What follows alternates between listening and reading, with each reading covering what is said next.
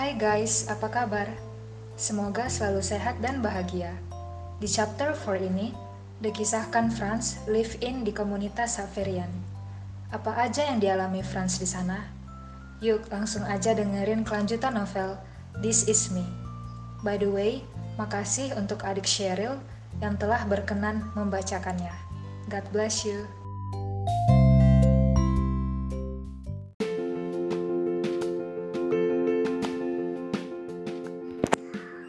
This is me, chapter 4, Suster Yohana Evita CAE. Aku baru selesai mandi ketika Frater Boni masuk. Franz, turun yuk, makan malamnya udah selesai, tinggal nunggu kamu. Ajaknya. Eh, iya Ter, kataku. Benar saja, mereka menunggu di bawah. Aku merasa malu karena terlambat. Romo Paul mempersilahkanku duduk di sebelahnya. Franz, kamu yang pimpin doa, kata Romo Paul. Hah? Saya Romo? Tanyaku kaget. Iya, kamu. Siapa lagi? Cuma kamu yang namanya Franz, katanya. Tapi Romo, kataku gugup. Dalam nama Bapa dan Putra dan Roh Kudus, amin, kata Romo Paul. Aku diam selama beberapa detik, mereka menutup mata dan kusuk. Hanya aku yang celingak-celinguk.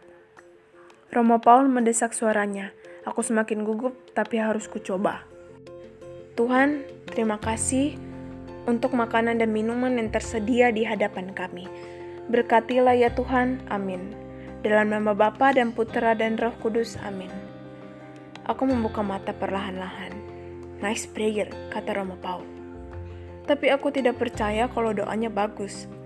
Kelihatan frater-frater pada senyum-senyum cengar-cengir habis doa. Sebenarnya aku malu, jujur saja. Aku tidak pernah berdoa, paling cuma buat tanda salib aja. Itu pun jarang, kalau ingat. Menu makan malam ini sederhana. Tempe orek pedas manis, sayur singkong di santan, sama pisang sebagai buah. Aku merasa aneh. Ini pertama kalinya aku makan lahap plus nambah. Romo Paul duluan selesai makan. Aku tidak tahu kalau dia lagi diet soalnya makannya terlalu sedikit, seperdelapan dari jatahku. Saya sudah 19 tahun bermisi di Indonesia. Saya bangga bisa menjadi misionari di negara ini. Banyak pengalaman yang terjadi, apalagi waktu saya masih baru di sini. Kamu tahu, sebenarnya saya tidak ada niat untuk menjadi imam dulu. Saya mau jadi penyiar televisi. Tapi Tuhan punya rencana lain untuk saya kata Romo Paul. Kamu sudah kelas berapa? Tanyanya. Kelas 12, Romo. Jawabku. Berarti mau lulusan dong. Terus gimana? Tanyanya. Gimana apanya, Romo? Tanyaku gak ngerti. Rencana mau ngapain? Saya mau jadi pengusaha, Romo, seperti papa. Jawabku. Gak mau jadi imam? Tanyanya. Enggak, Romo. Jawabku.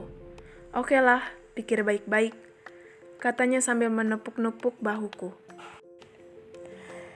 Aku tidak mengerti maksud Romo Paul. Sudah jelas-jelas aku ingin jadi pengusaha. Kenapa harus dipikir baik-baik lagi? Aneh.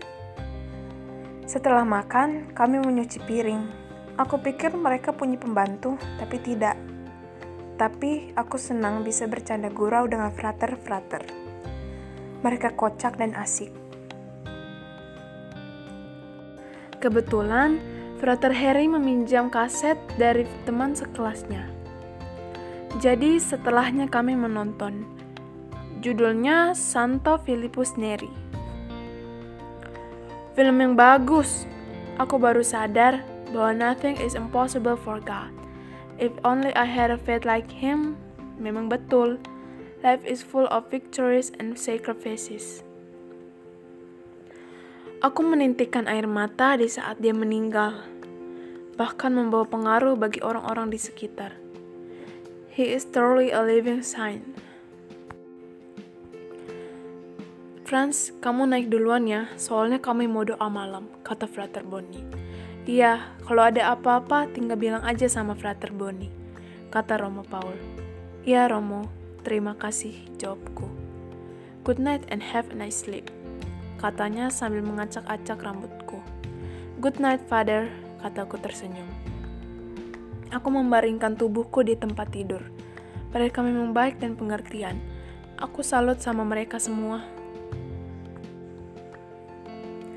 Hujan semakin mereda, hanya gerimis kecil. Mataku mencoba menutup dan terbuka seketika. Aku mendengar sesuatu. Aku mencoba mendengar suara apa itu. Aku keluar kamar dan mengikuti arah suara. Ternyata datang dari kapel.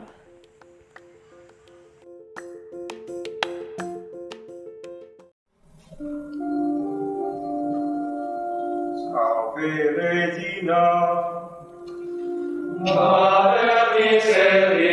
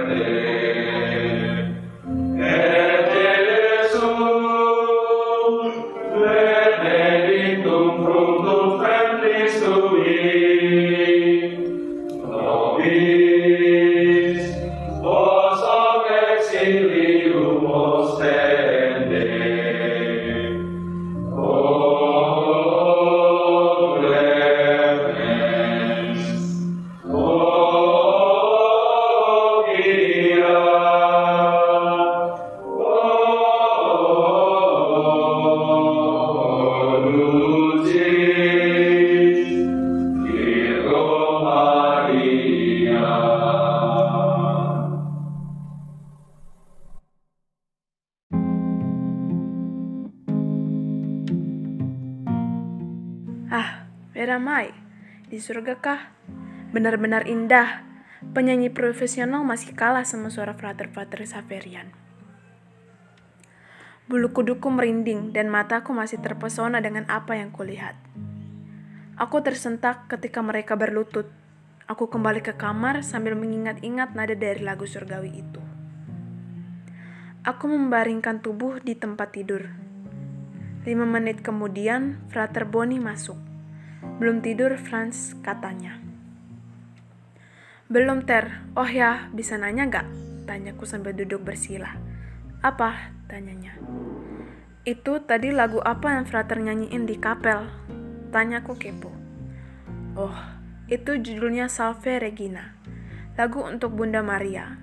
Biasanya kami nyanyikan di akhir doa rosario dan malam sebelum tidur. Di situ, kita minta supaya Bunda Maria selalu menemani kita, dan melalui dia kita bisa lebih dekat lagi kepada Yesus, terangnya. Aku baru ngerti, saatku sambil ngangguk-ngangguk. Frater Boni berlutut di depan rak laci, membuat tanda salib dan berdoa. Aku heran, mereka baru saja selesai doa dan ini berdoa lagi. Ada salib kecil, bingkai kecil Bunda Maria, dan sebuah patung. Frater Broni berlutut di depan rak laci membuat tanda salib dan berdoa. Aku heran, mereka baru saja selesai doa dan ini berdoa lagi. Ada salib kecil, bingkai kecil Bunda Maria dan sebuah patung. Itu patung apa, Ter? Tanyaku setelah dia berdoa.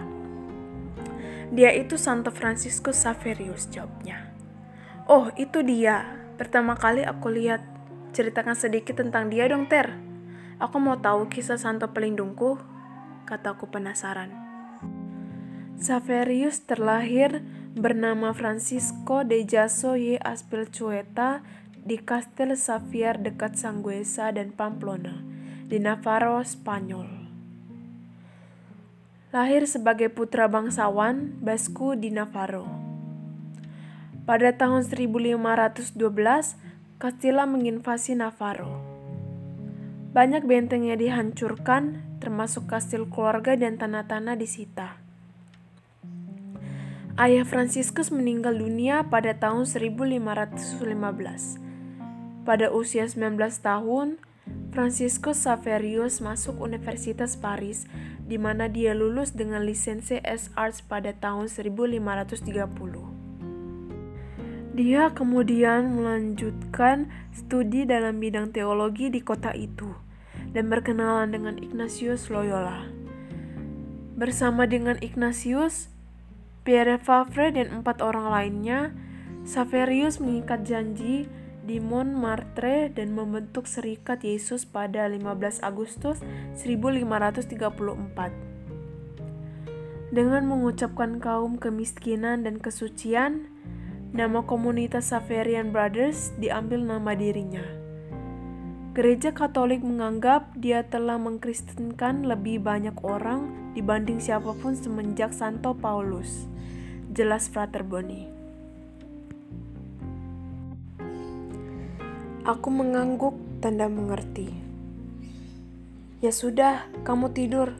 Besok kan harus pulang, kata Frater Boni. Iya Ter, jawabku sambil membaringkan kembali tubuhku. Good night, kata Frater Boni sambil mematikan lampu.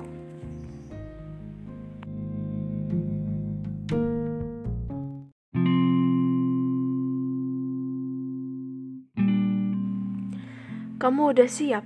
Tanya Romo Paul. Udah Romo, jawabku. Oh iya, ini ada sesuatu untukmu. Sebagai rasa berterima kasih karena sudah menolong Frater Boni katanya sambil menyodorkan plastik biru kecil. Terima kasih Romo, kataku sambil mencium tangannya untuk pamit. Hati-hati di jalan, kirim salam buat keluarga, kata Frater Harry.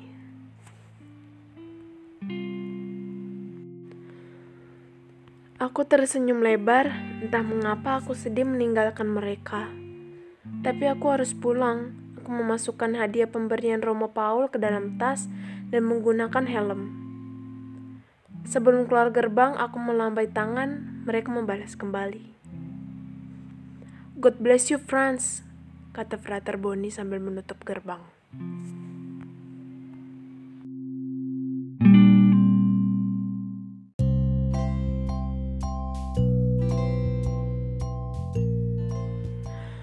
Aku tiba di rumah pukul 8.30, masih sangat pagi. Sudah kuduga rumah masih sepi, Mungkin papa dan Vio masih pada tidur.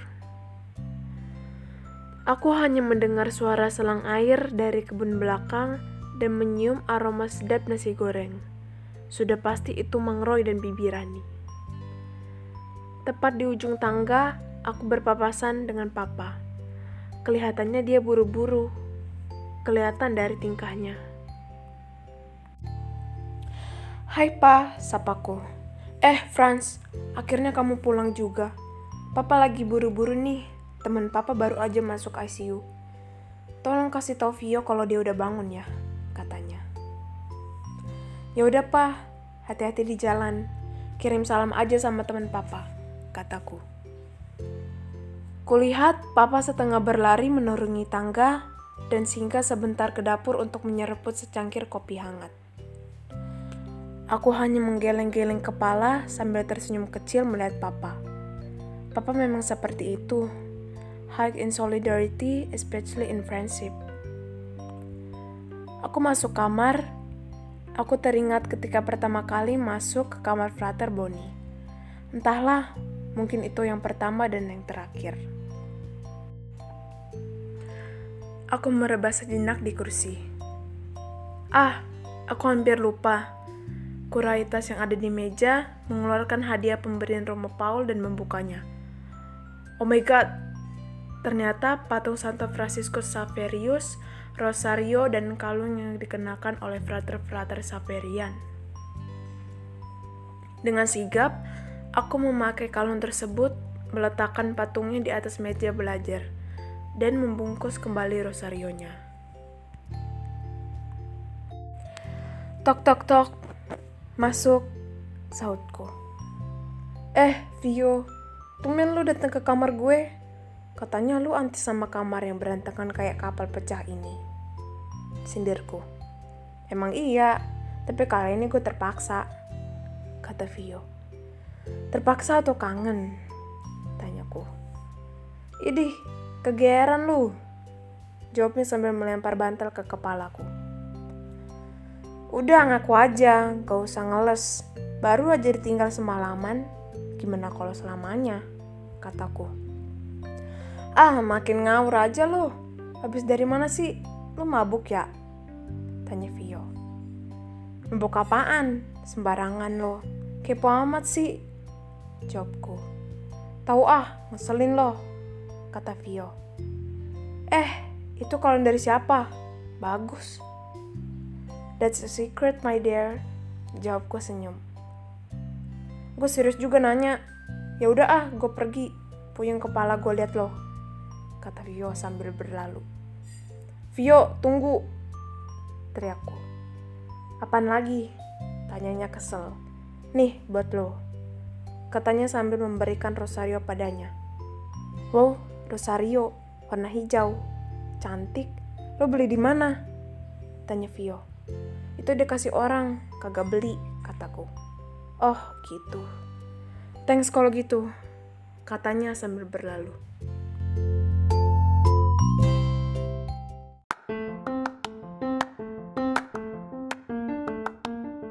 Dengarkan kelanjutan kisahnya di chapter berikutnya. God bless you.